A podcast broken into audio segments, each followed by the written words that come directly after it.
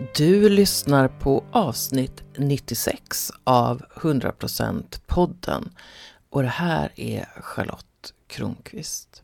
Och idag så ska du få möta en person som ofta blir anlitad för att tala om framtiden och digitalisering men som i sitt eget liv fokuserar på nuet. På att det här ska vara en dag när jag är närvarande. Som gärna fattar snabba beslut så han har mer tid att ändra sig. Och som menar att mänsklighetens historia är en historia i teknologi. Han menar att till och med vår gudstro har sprungit ur vilka teknologiska verktyg vi har vid ett tillfälle. Visst låter det spännande? Du får möta Gustav Josefsson Tada, en fritänkare, en man som älskar stora idéer. Och vi möttes på en väldigt central plats i Stockholm. Välkommen att lyssna. Jag befinner mig på slottet i Stockholm som är ett kontor mitt emot det riktiga slottet. Och jag sitter här med Gustav Josefsson Tada som föreläser om framtiden. Tack för att jag får komma hit. Tack för att du är här. Det är, det är en väldigt fin plats vi är på. Det är, ett, det är ju ett kontorshotell, men det är, fokuset här är att hitta mer djup. Mer djup i, i, i oss själva och mer djup i våra relationer och mer djup i arbetslivet. Så det, det är en plats som är mer än bara en arbetsplats. Eh, så, så jag, jag trivs väldigt bra här och det är kul att du är här. Vad härligt.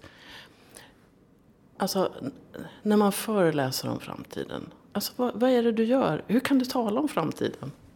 Eh, alltså, jag tror mycket handlar om den, den bredden av i min bakgrund som jag har. Jag började som entreprenör, starta företag när jag gick i, högst, i gymnasiet.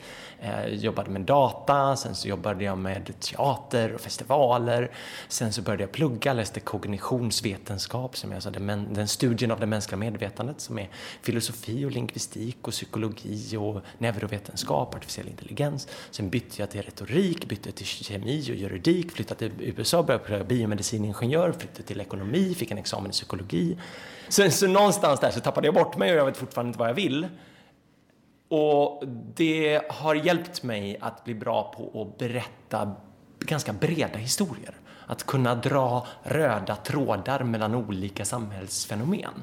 Så det som jag föreläser om mest när jag är ute idag är, jag blir inbjuden för att prata om digitalisering, men jag egentligen pratar om hur digitala verktyg förändrar mänskliga relationer. Så hur vi måste relatera till varandra på annorlunda sätt på grund av den tekniska utvecklingen. Och med den grundläggande idén att det är det som teknik alltid har gjort. Alltså mänsklighetens historia är en historia i teknologi. Och det vi är, det vi känner, det sätt vi relaterar till varandra, till och med vår, vår, vår helighet och vår gudstro har sprungit ur vilka teknologiska verktyg som har möjliggjort för oss att bli människor det där får du säga något mer mm. men, men, men, men, ta till exempel eh, vad som händer när eh, du plötsligt har det skrivna språket. Så, så innan det skrivna språket så är allting viskleken. Så gudar, det vi tror på, eh, det, det ändras lite varje gång vi berättar det. Det blir väldigt svårt att ha en sammanhängande monotistisk relation, religion som berättar en sammanhängande story.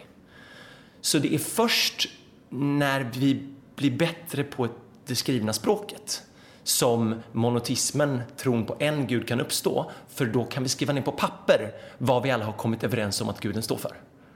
Så, så den guden är en teknologisk uppfinning som är det skrivna språket. Så. På gott och ont? På, på, på, på gott och ont. På gott och ont. Och, och likaså kan vi se vidare hur samhället har förändrats på grund av eh, demokrati och mänskliga rättigheter uppfanns genom tryckpressen. Alltså du, du kan inte skapa allmän utbildning om du inte har en tryckpress. Och om du inte kan skapa allmän utbildning då kan inte människor förstå att de faktiskt är ganska lika. För avståndet mellan den som kan allt och har tillgång till hela mänsklighetens kunskap och den som inte kan läsa och inte ens får möjlighet att ta till sig eh, den enklaste av texter. Avståndet blir så stort så det är svårt att inse att vi faktiskt är samma. Men sen så uppstår eh, uppstår tryckpressen, uppstår läraryrket. Alltså egentligen, lärare fanns inte före vi uppfann tryckpressen, så det är ett, ett yrke som är uppfunnet av teknologi, så att säga. Och då börjar, vi, då börjar vi lära oss mer, då börjar vi förstå och då börjar vi upptäcka att vi faktiskt är ganska lika. Och där har du grunden till demokrati. Alltså jag bara tänker på motsatsen då, att i diktaturer så försöker man se till ibland att människor lär sig så lite som möjligt. Precis, precis, precis. Ja, och, och eh, katolska kyrkan försökte ju stoppa tryckpressen. För den, det, det, var ju, eh, kärn, det var ju den teknologiska uppfinningen som ledde till kyrkans fall. För när fler kunde få direkt tillgång till Bibeln, alltså vi kunde översätta Bibeln så fler kunde läsa den, då insåg man att jag kan få direkt tillgång till Gud utan att gå igenom hierarkierna som eh, och den, du blir närmare och närmare Gud ju högre upp i hierarkin du kommer och så påven längst upp som är närmast Gud. Så. Jag tror att katolicismen lider utav det där fortfarande. Ja, ja, ja absolut, absolut när du nu rabblade ditt CV här så blir man ju som, det snurrar nästan i huvudet av allting som du har hunnit ta in då. Men hur blir din syn på framtiden då? Alltså nu, nu befinner vi oss i, strax före valet mm. i, i Sverige. Vi har haft en het sommar med skogsbränder och så. Och det finns mycket så här om hur tar vi hand om jordklotet och, och så. Men är, är, du optimist eller alltså, hur, eller hur skulle du liksom relatera dig i förhållande till framtiden eller futurismen? Det är många frågor i, samma paket här. Jag ska försöka... Det ena är eh, det här hoppet mellan den långa sikten och den korta sikten. Alltså, vi ser ju att vi, vi har saker som går cykliskt, vi ser att det pendlar fram och tillbaka.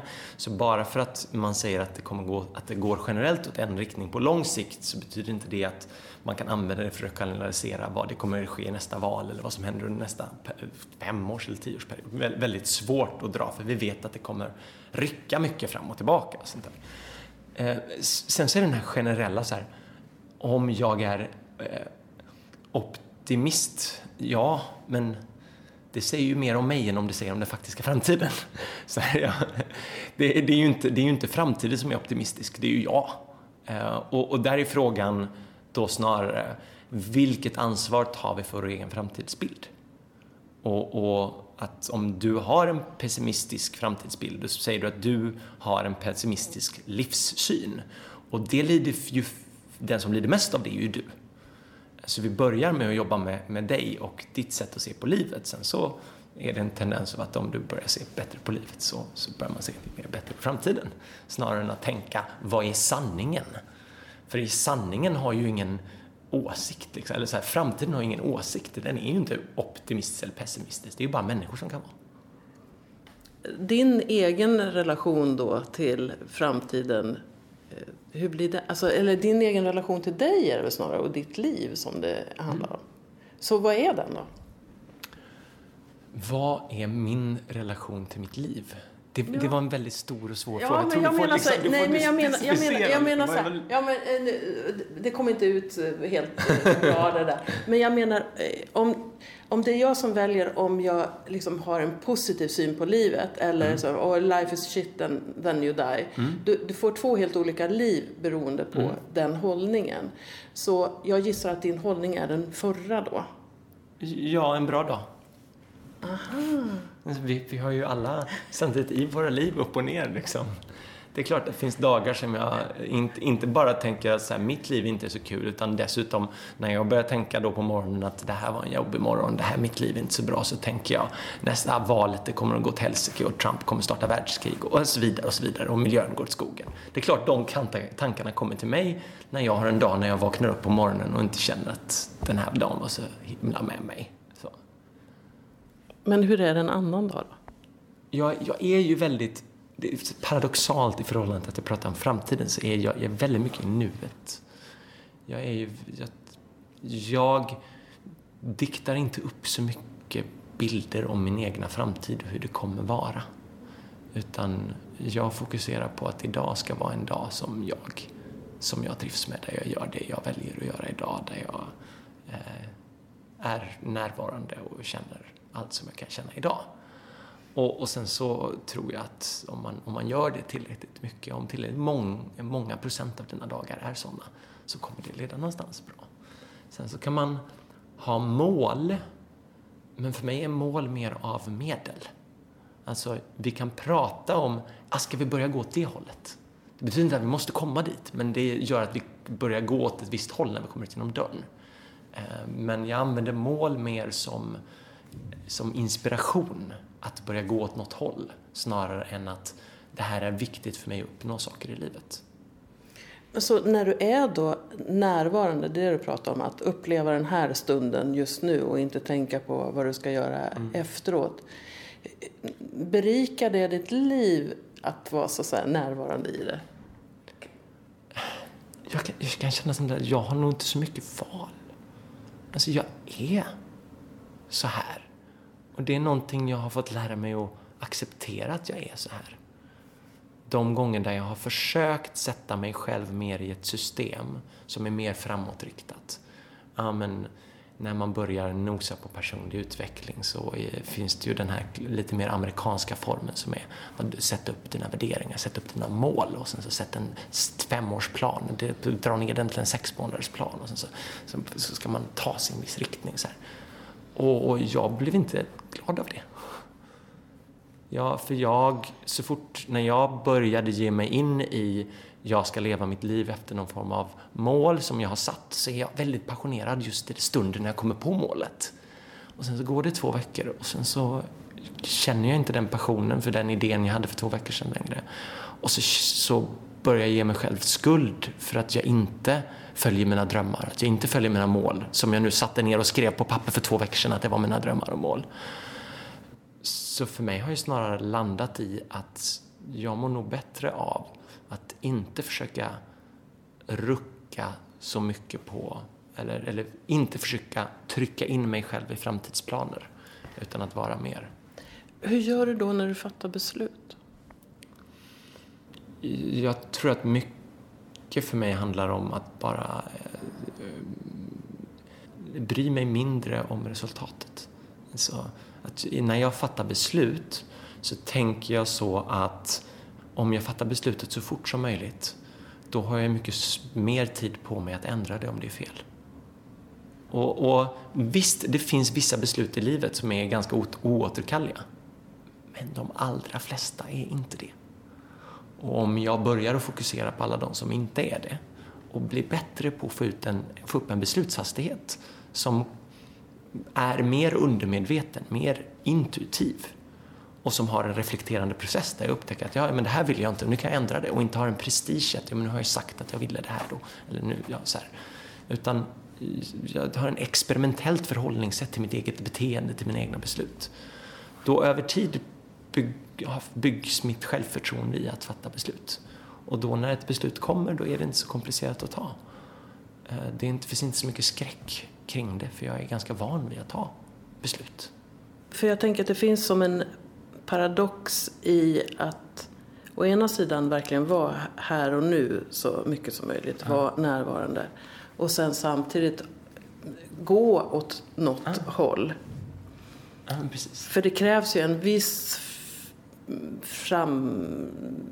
Mm, mm. Så jag kan ju känna så att jag har en riktning. Jag kallar mig till exempel för kärlekskrigare. Och då tänker jag att det jag, ska, det jag gör ska vara i linje mm. med det. Men vad det är mm. vet jag inte förrän jag stöter på det så att säga. Så, och det kan också vara en vägvisare för mig. Vad ska jag tacka nej till? För att om det är något som inte alls tjänar kärlekskrigaren så kanske det är nej. Mm. Så, så har du någon också sån där inre vägvisare som hjälper dig att veta att det här kan jag säga ja till och det här kan jag säga nej till? Jag har blivit kallad kärlekskrigare ett par gånger av folk som så använder det ordet. Ja, ah, men du är som jag, du är en kärlekskrigare. Ja, och jag, jag kan identifiera mig i det. Jag skulle, aldrig, jag skulle aldrig välja det ordet själv, men jag kan se hur det mycket beskriver mitt mitt beteende genom livet hittills. Alltså att det, det är återkommande att jag, jag väljer det. Jag hade ett sånt här samtal igår med min vän Jesper som jag också driver lite företag med och vi gör mycket vi är på väg in i lite projekt tillsammans. Där vi pratade om just det här, okej, okay, men vad är det för ord som beskriver den här vår relation till samhället. För det är en sak relation till mig själv, men vad jag försöker skapa i världen. Och ett ord som resonerade hos oss båda var folkbildare. Jag brinner väldigt mycket för att eh, ha en ödmjukhet kring eh, så här, jag säger ödmjukhet och i nästa mening tänker jag säga för att jag är så smart. Eh, så att det, det blir, jag insåg att det blev så här, fan jag är så jävla ödmjuk. Jag har eh, det privilegiet att jag har ganska lätt för mig att förstå komplexa idéer. Och jag har dessutom eh, språkets gåva. Så jag har, jag har en förmåga att förklara saker som är ganska komplicerat för de som har, inte har lika lätt för sig att förstå den typen av idéer som jag har. Eh, och det är allt från liksom när jag gick i högstadiet och var den som satt efter mattelektionerna och beskrev vad läraren hade gått igenom för dem. För att läraren inte var tillräckligt duktig på att vara pedagogisk så då fick jag sitta och göra det så här.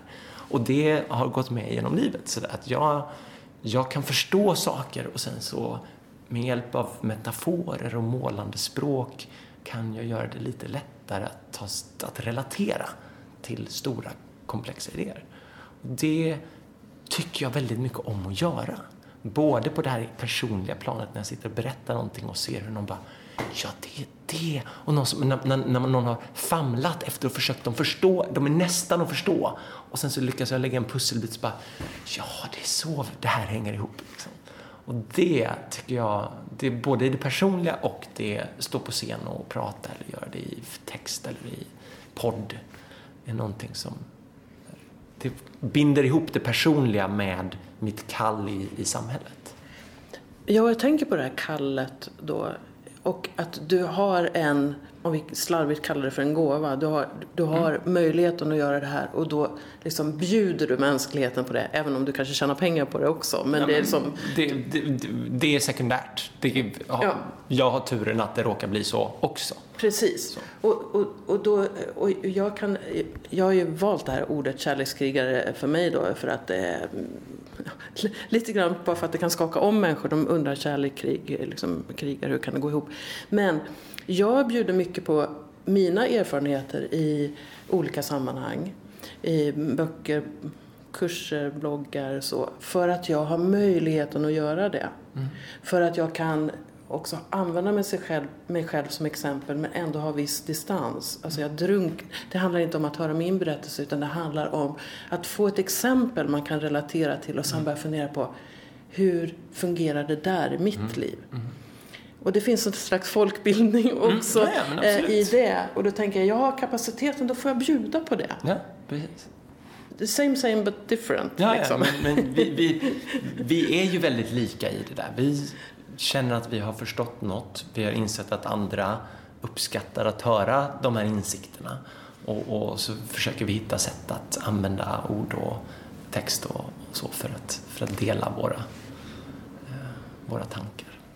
Jag kommer att tänka på det här med relationer. Vi relaterar ju just nu men du, du bidrar ju också till en större förståelse för hur vi liksom relaterar i mm. samhället och drivkrafterna så mm. kring det.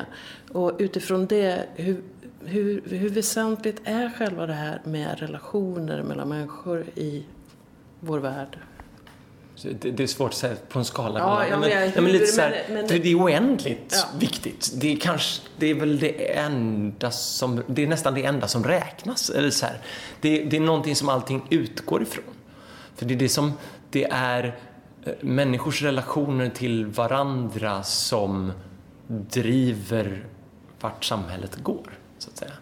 Jag, jag tror att det kommer först. Eh, och, och, och sen så får det uttryck i eh, ny innovation, det får uttryck i eh, politiska rörelser. Men det utgår ju från...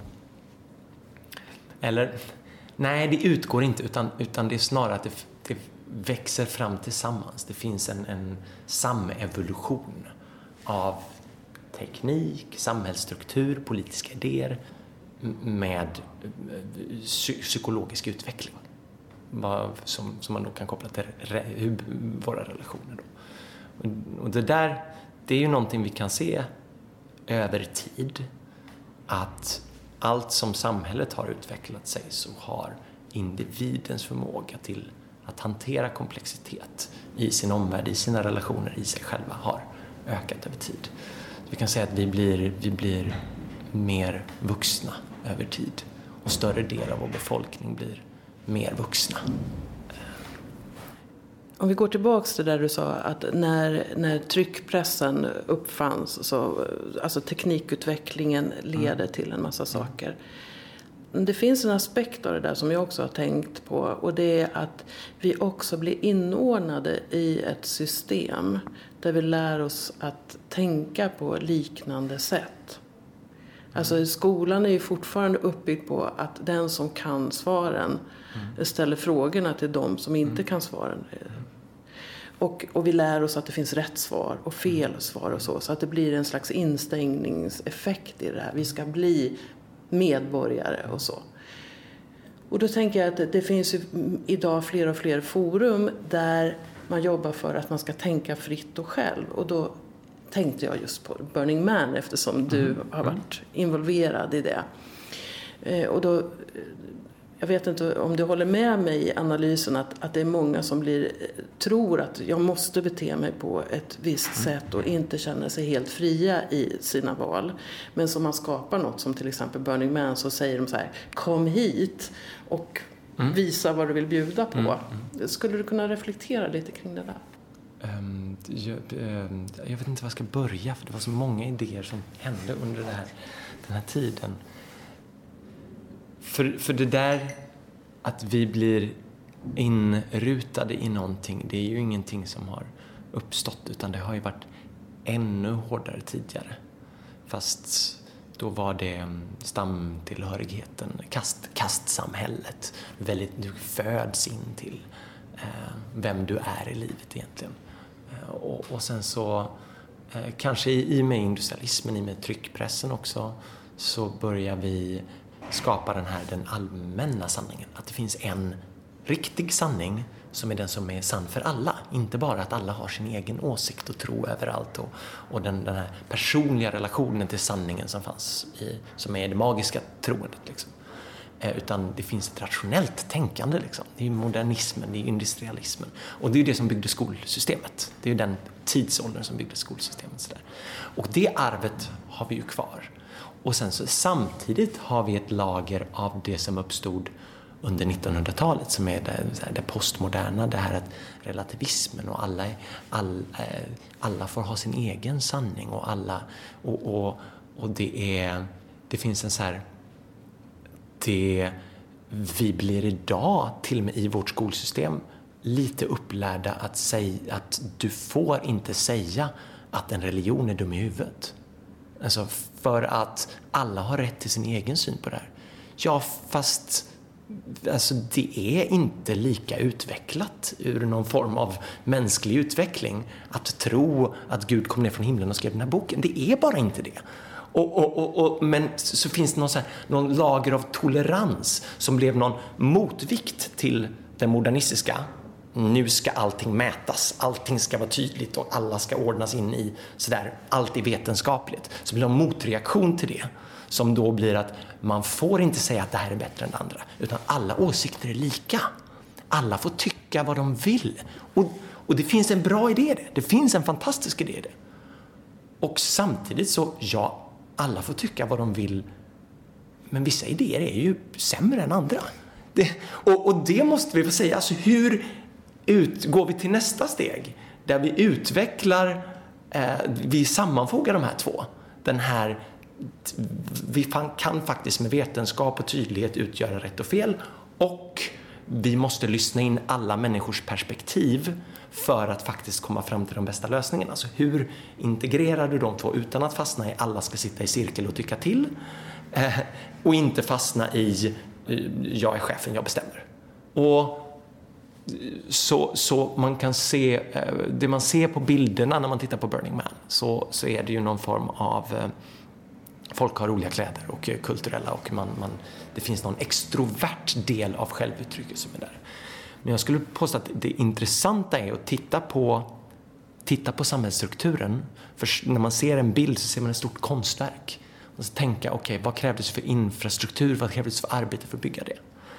Och sen så tänka att det här skapades utan att någon, var, någon bestämde.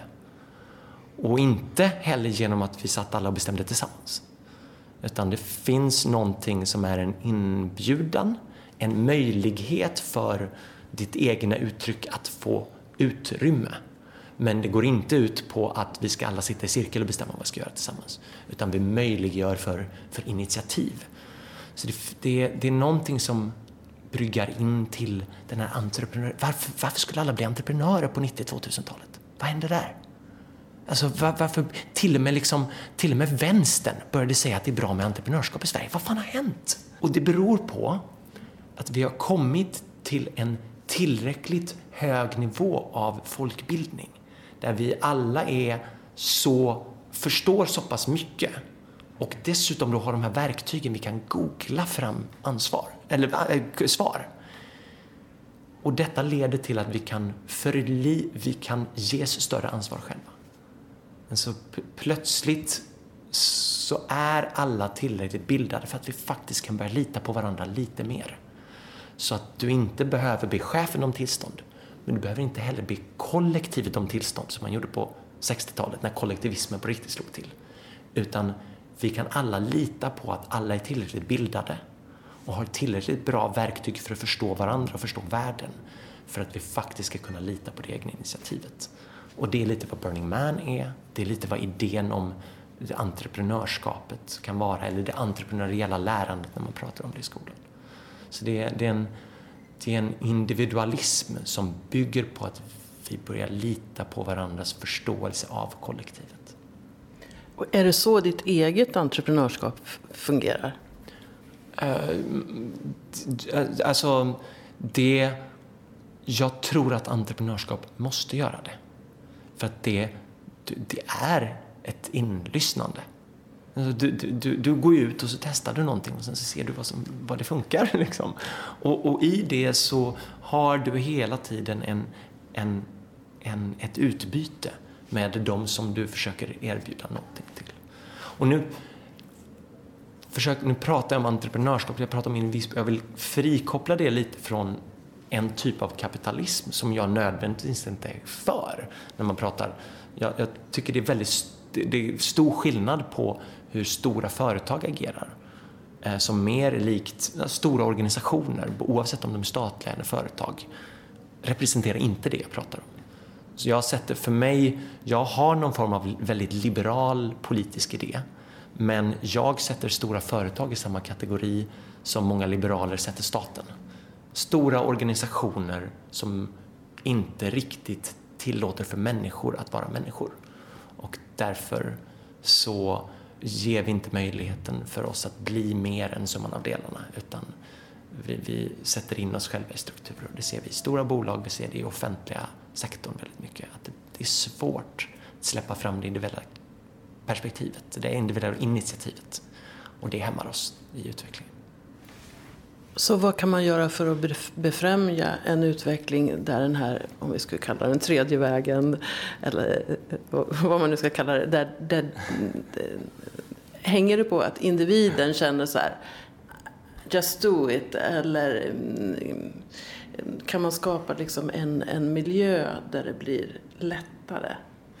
Ja, jag, jag, jag reflekterade precis om det här, vi, vi pratar om om det här är ett samtal eller om det blir intervju. Och jag inser att jag är så snabb på att prata så jag blir så här, men vad tycker du om den frågan? här, för, för jag, jag, kan ju så lätt gå iväg på mina långa rants liksom. Men vad, vad, vad, vad tänker du när du hör det?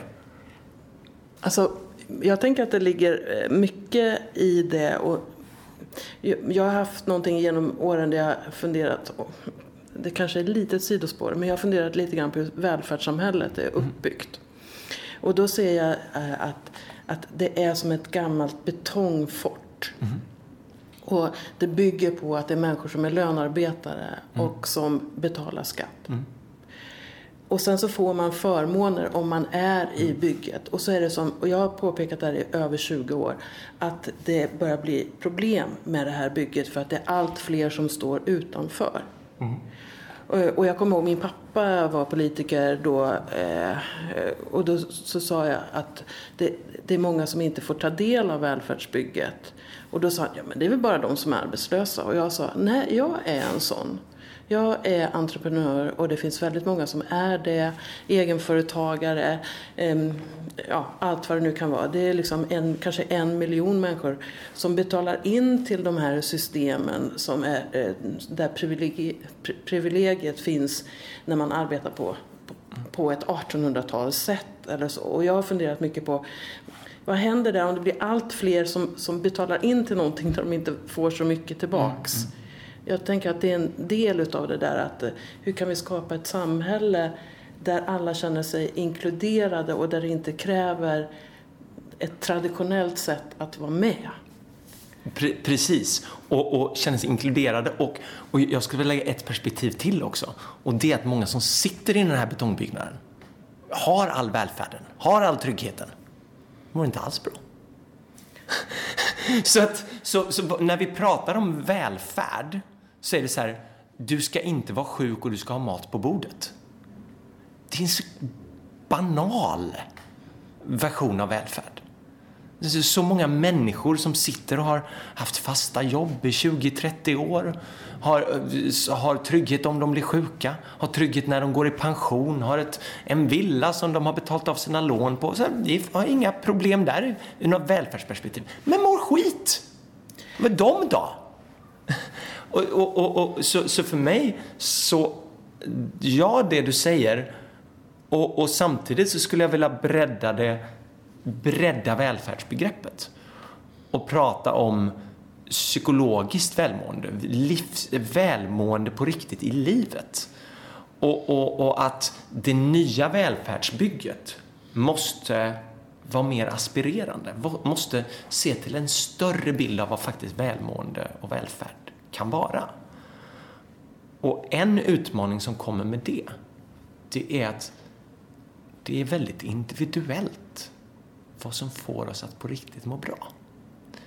Det är inte så individuellt vad som är mat på bordet eller vad sjukförsäkring innebär. Men om vi på riktigt ska börja bry oss om våra medmänniskor, om våra medborgare, då behöver vi hitta den här balansen där vi säger vi tar ansvar för varandra. Och i det ansvaret så finns ett eget initiativ. För att ingen vet bättre än du vad du behöver för att vara du. Så vi behöver alltså stärka det kollektiva ansvaret och stärka det individuella ansvaret på en gång. För det ena kan inte... Det, det, så här, det, det traditionella höger och vänster är två perspektiv som vi behöver båda av. De, är inte, de står inte i motsats till varandra. Och det är den bluffen som hela liksom politiker hittar på att dra till med. Att individualism och kollektivism står emot varandra. Nej, nej, de är förutsättningar för varandra. Det, det lär du dig på flygplanet när du, när du blir tillsagd att du ska ta på dig masken på dig själv innan du tar på dig masken på den bredvid. För att vi måste ta hand om varandra för att kunna ta, ta hand om oss själva för att kunna ta hand om varandra. Och tvärtom. Alltså jag, jag, jag håller med. Jag tänkte jag skulle undvika att gå in för mycket på liksom, eh, eh, valet eh, och så. För jag, jag, tycker att de flesta frågorna som tas upp det där är, är liksom ointressanta. Det är inget som, jag, inget som jag bryr mig om mm. överhuvudtaget. Och, men att, som att kunna se också att vi är inne i något nytt och se vad, vad är de nya strukturerna som kommer, som kommer mm. att vara viktiga. Mm. En aspekt som jag har tänkt mycket på det är att det finns människor som säger så men Charlotte, du har ju misslyckats i livet. Du har till exempel två skilsmässor bakom dig och i den senaste så blev du av med eh, allt, typ så här. Ja, men jag har ju aldrig varit lyckligare än jag är nu. Jag behövde sälja av mina saker för att må bra. Jag, be jag, behöver inget stort hus för det. Så det finns en massa idéer om vad som krävs för att man ska vara lycklig. Och kanske är det bara helt enkelt att det går att andas. att kunna uppskatta små saker också. Eh, att uppskatta... Om, om, du inte kan små, uppskatta små saker, då tror inte jag att du genuint kan uppskatta de stora heller. Då är, då är det inte en... Men det är, som att, det är som att vi har byggt upp ett samhälle där vi ibland, eller vi tutas i att vi ska bara se på de stora sakerna. Att vi tappar bort det som verkar litet. Jag hörde någon sommarpratare som pratade om att, liksom, att det stora livet egentligen det lilla livet. Att man borde vända på det. Att man pratar om att män är ute i det stora livet, ute i stora världen. Och då sa han att det, det, stora livet för mig är egentligen min familj och det jag gör mm. på jobbet är det lilla. Det tyckte jag gav en så här bra tankeställare. Så vi behöver ta hand om oss själva och se till dem som vi har runt oss, tänker jag. Och både och. Mm. Och vi är olika. Mm. Själv, jag är, älskar stora idéer. Jag kan gå igång och få någon typ av mental orgasm på en riktigt häftig idé som är stor. Och det finns stunder där det lilla är det viktigaste. Mm. Och vi är olika. Vissa är mer att det lilla och vissa är mer i, i det stora. Jag var mer, ut... jag var mer ute efter att, att det kan vara svårt att värdera hur någonting är för någon annan. Det mm. som och i olika tidpunkter av livet så kan det vara olika saker som är, som är liksom mer viktiga än andra. Ja, ja. Har man precis fått en bebis till exempel, mm. då är det självklart att det blir ju centrum. Ja, precis. Men värde, mening är ju påhittat. Det är bara du, det är du som hittar på det där i din, din, eh, ditt, din hjärna, mm. vad som är meningsfullt. Och det, det, gör ju att det är svårt att hitta de här liksom kollektivistiska eh, lösningarna på meningsfullhet. Men jag tror att det är bra att reflektera över emellanåt. Vad är meningsfullt för mig? Mm.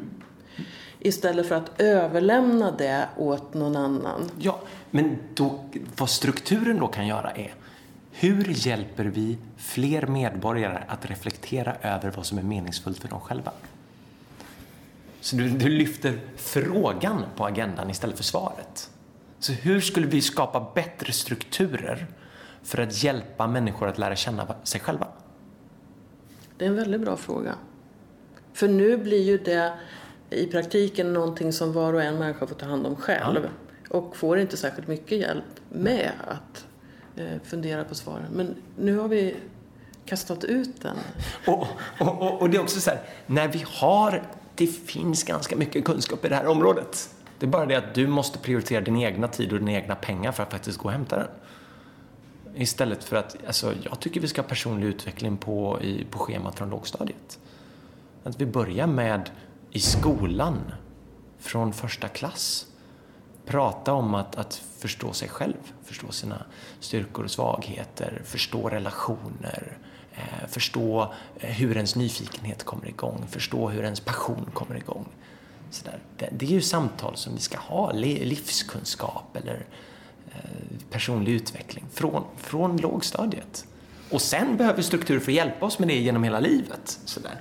Men det, det, det, är så här, och det är det jag anser ju att målet med det politiska projektet måste vara att främja den psykologiska utvecklingen för alla människor. Det, det, det, det, är ju det vi skulle ha ett parti som gjorde. Det är ju det vi skulle, det är därför vi ska bygga den här konstruktionen. För att om vi utvecklar alla människor psykologiskt, då kommer de komma på med mycket bättre lösningar tillsammans.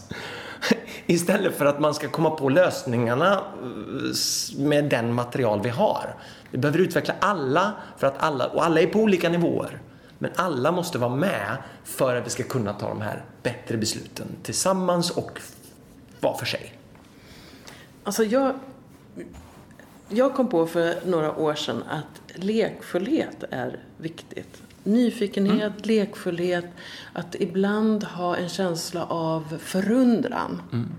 Och om jag kan möta livet som, alltså jag kliver ut genom porten och så tänker jag så vad ska den här dagen ge mm. mig?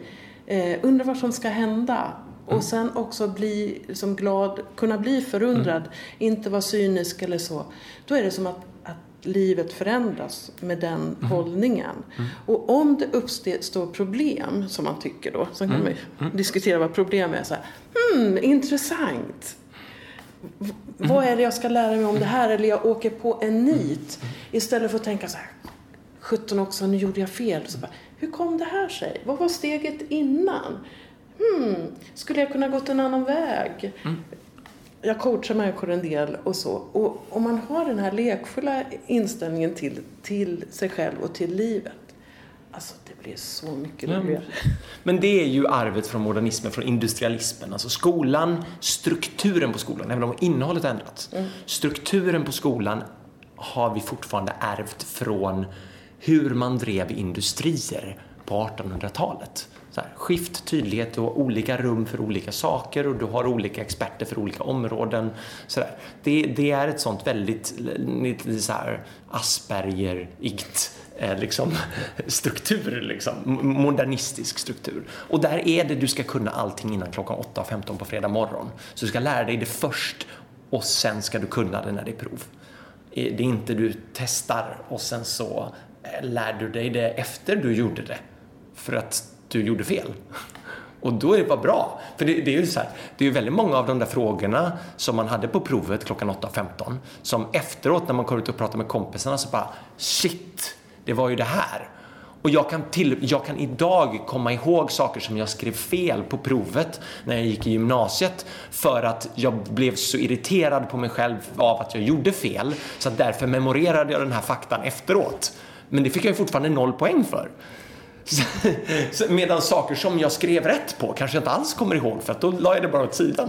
Så vad, vad är det? Det, det, det är någon felaktig mekanik där. Liksom.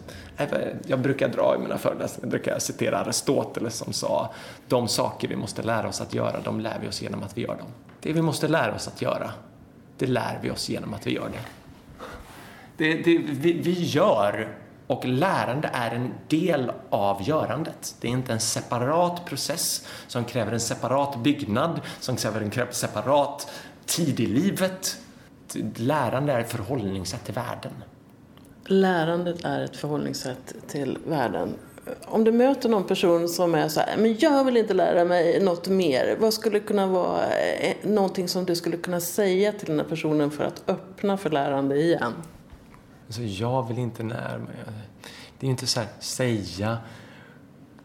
Jag skulle börja med att peka på sätt som de faktiskt redan lär sig. För att vi är inte antingen eller människor utan alla har någon del i sitt liv som de är lite mer öppna. Och hitta den. Och, och, och, och, men vad ska jag börja då? Men skaffa en hobby. Att om, om du börjar med att hitta eh, lärandeformer som är frikopplade från prestation så det är inte i relation till, ah, men det är det här jag tänker göra professionellt. Utan du börjar hitta någonting som är så här, men det här gör jag lite för min egen skull. Och du börjar återknyta till det här, göra någonting för sin egen skull. Där är det mycket lättare att hitta nyfikenheten, hitta lärandet. Och när du väl börjar hitta där, då är det lättare att överföra det till andra områden i livet. Så det gäller att börja gräva där man står. Vad är det som redan idag du faktiskt är lite nyfiken på? För de flesta är det. Det gäller bara att hitta var, vilken del av livet. Så börja leta efter din egen nyfikenhet. Tack Gustav Josefsson! Ja, ja, det var så mycket vi inte hann prata om. Ja. Ja, har du lärande som ett förhållningssätt till världen? Det kan det vara något att tänka på. Och om du har möjlighet, gå gärna och lyssna på Gustav Josefsson Tada när han talar om framtid, digitalisering och kanske egentligen om relationer. Och tänk på att han också är en slags kärlekskrigare. Och du, du vet väl att min bok Lekfull tantra är på tryckeriet nu och snart kan du köpa den om du inte vill förhandsbeställa ditt ex. Och om två veckor den 27-28 oktober är sista chansen att gå Lekfull tantra helgkursen i Stockholm för det här året. Så gå gärna in på min hemsida charlottekronqvist.org eller googla mitt namn eller lekfull tantra så kan du få hänga med på en underbar helg där allt sker i samtycke.